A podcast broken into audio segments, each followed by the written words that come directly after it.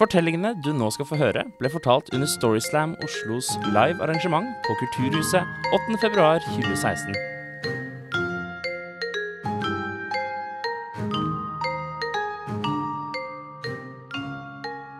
Det er ikke alltid lett å forstå seg på det motsatte kjønn. I hvert fall ikke for Steinar Olberg, som denne kvelden fortalte om sitt noe kompliserte forhold til kvinner.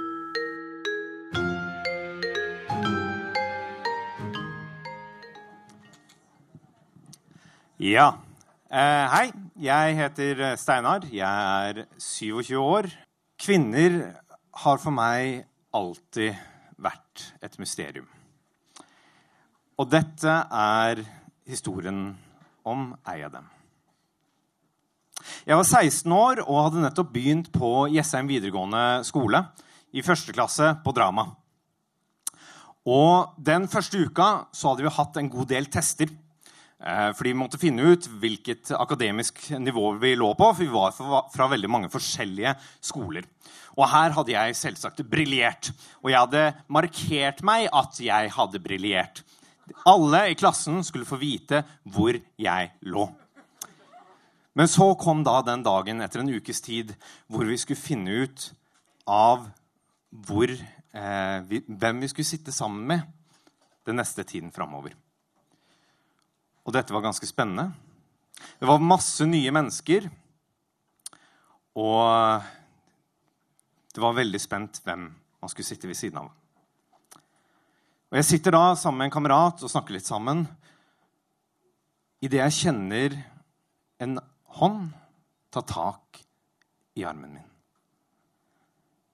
Jeg ser opp og ser inn i to blå, klare øyne det var ei jente som hadde langt, blondt hår og et veldig sjarmerende smil. Du skal sitte ved siden av meg. Idet jeg blir leid bort til hvor vi skal sitte, så tenker jeg gjennom hva, hva var det som egentlig har skjedd her? For dette, dette var noe veldig nytt for meg. Eh, jeg var ikke vant med, eh, med det her i det hele tatt. Men så slo det meg at jeg har jo markert meg veldig godt på de testene som har eh, vært den siste uken. Og av erfaring både fra barneskolen og fra ungdomsskolen så de som satt ved siden av meg, tjente veldig mye på mine akademiske emner. Så det er jo helt klart at hun har vært strategisk smart og valgt ut meg. Så vi setter oss da ned, og vi begynner å snakke sammen. Og vi blir bedre kjent med hverandre. Og jeg veit ikke om det er jeg som var en god forteller, eller hun som var en god lytter. Men jeg har aldri vært borti et menneske som har funnet mine historier om når jeg spiller World of Warcraft, så interessante. Jeg fortalte om da jeg var paladin Karamuntris med judgment-hjelmen og judgment-buksene og lawbringer-settet idet vi går inn i Molten Corn sammen med hele raidet. Og gjennom lysets kraft holder jeg tanken i live idet vi bekjemper ildguden Ragnaros. Og der sitter hun helt fortryllet.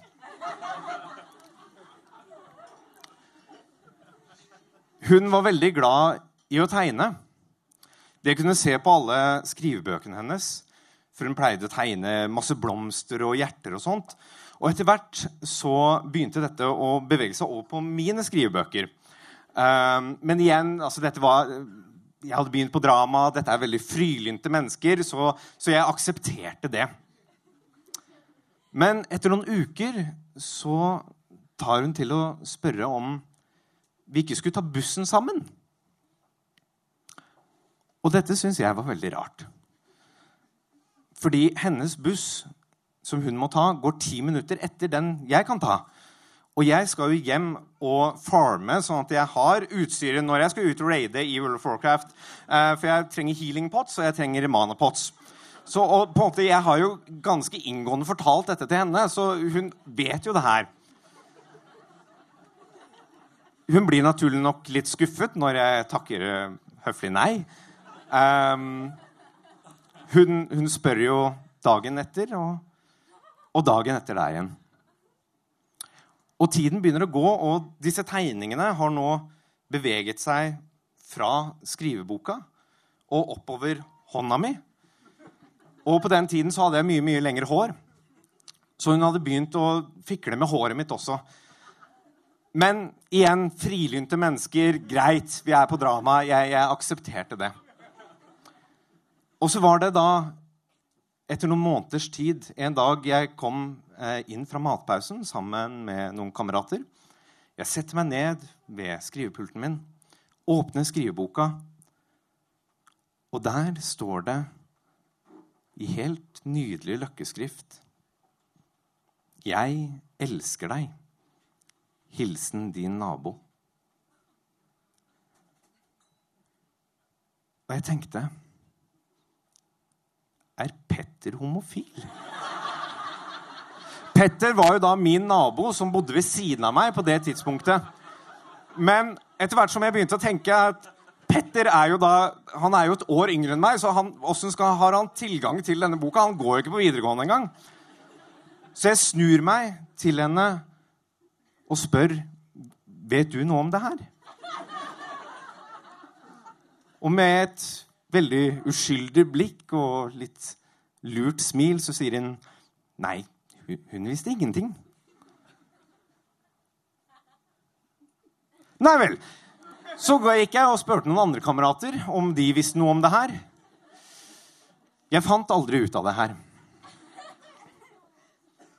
Kort tid etter så byttet hun skole. Siden, siden den gang så har det vært mange andre kvinner, mange andre mysterier. Men jeg tenker jo alltid tilbake på henne. Og for et halvt år siden, når jeg skulle flytte, så fant jeg en av disse gamle skrivebøkene mine. Jeg åpnet den opp, og der sto det 'Jeg elsker deg. Hilsen din nabo'. Jeg fant jo aldri ut Jeg løp til PC-en så fort jeg kunne, satt meg på Facebook. Hun er gift og har to barn. Og det var da jeg innså hva jeg hadde gått glipp av.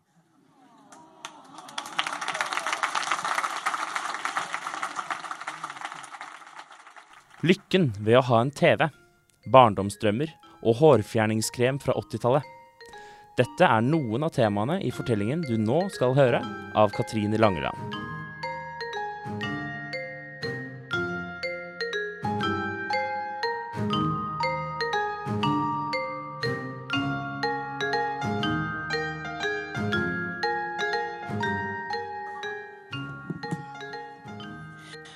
God kveld, god aften.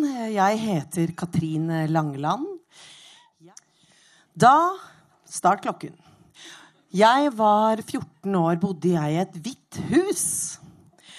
Og i det hvite huset var det tre stuer.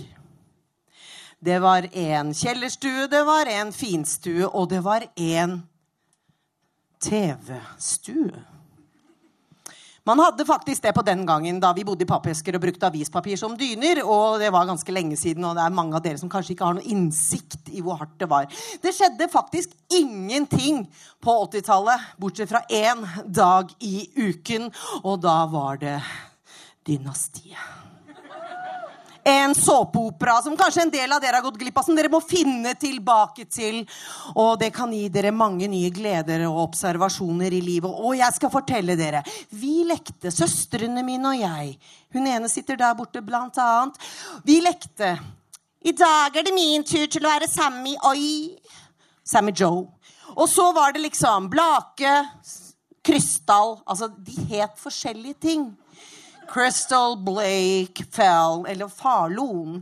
Vi var ikke svenske. Men det som var det morsomme, var at jeg var eldst. Og med alle kusiner og fetter og naboer og alle som bodde hos oss fordi vi var en stor familie med stor takhøyde, så var det alltid jeg, siden jeg hadde ja, store øyenbryn, og på den tiden enda større, som en slags trekant midt i fjeset.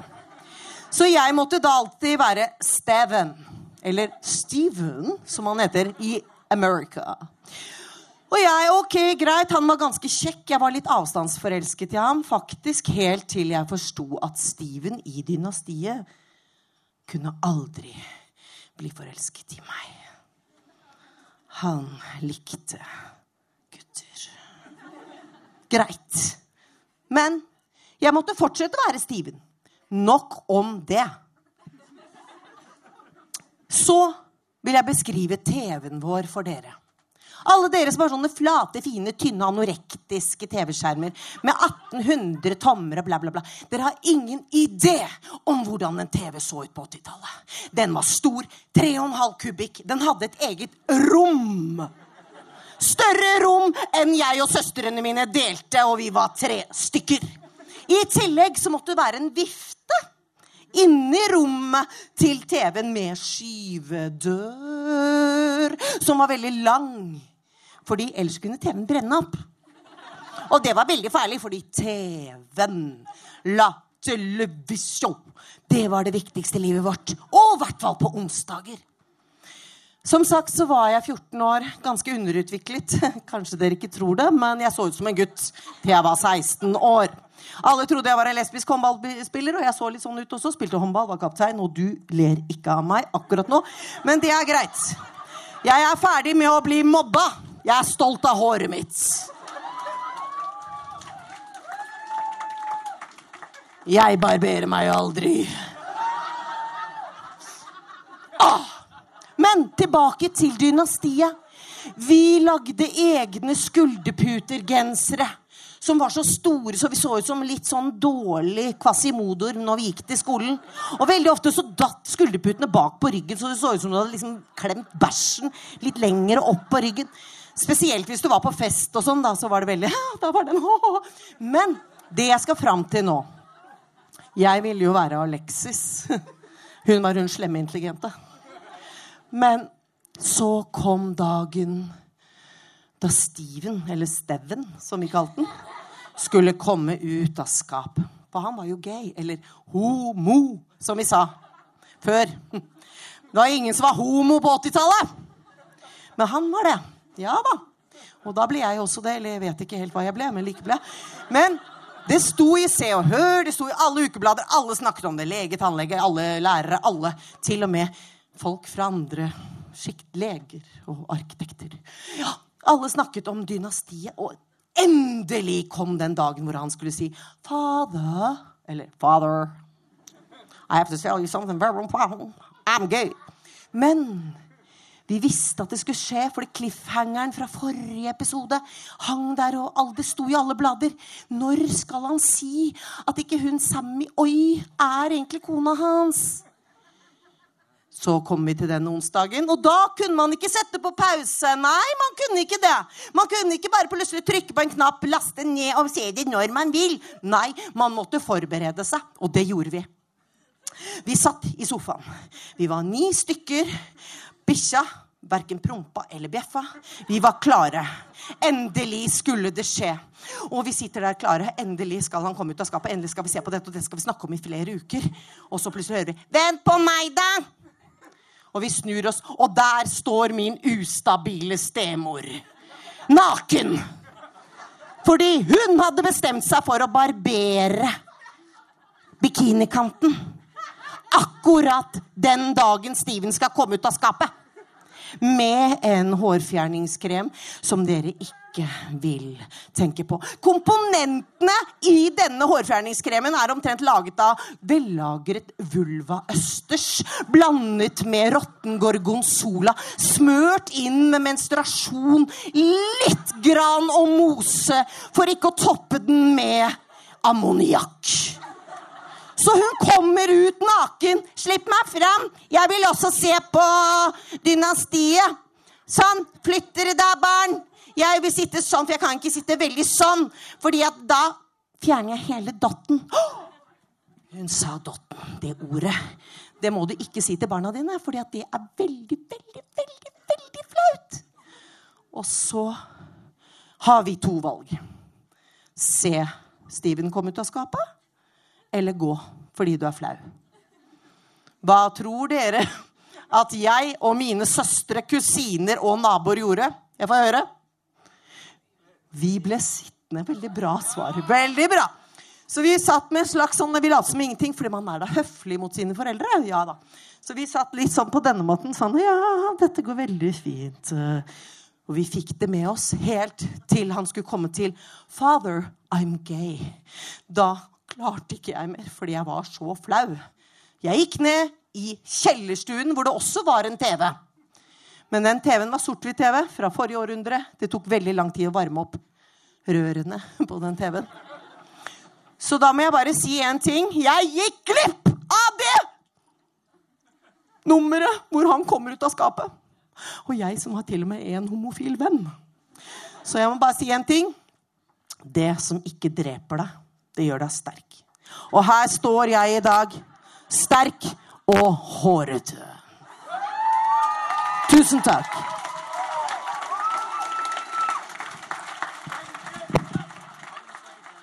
Hvis du likte disse fortellingene, eller vil finne ut mer, så finner du Storyslam Oslo på Facebook og Instagram. Vårt neste live arrangement blir på Kulturhuset i Oslo 4. april klokken 20. I mellomtiden kan du abonnere på vår podkast, som kommer ut med ujevne mellomrom.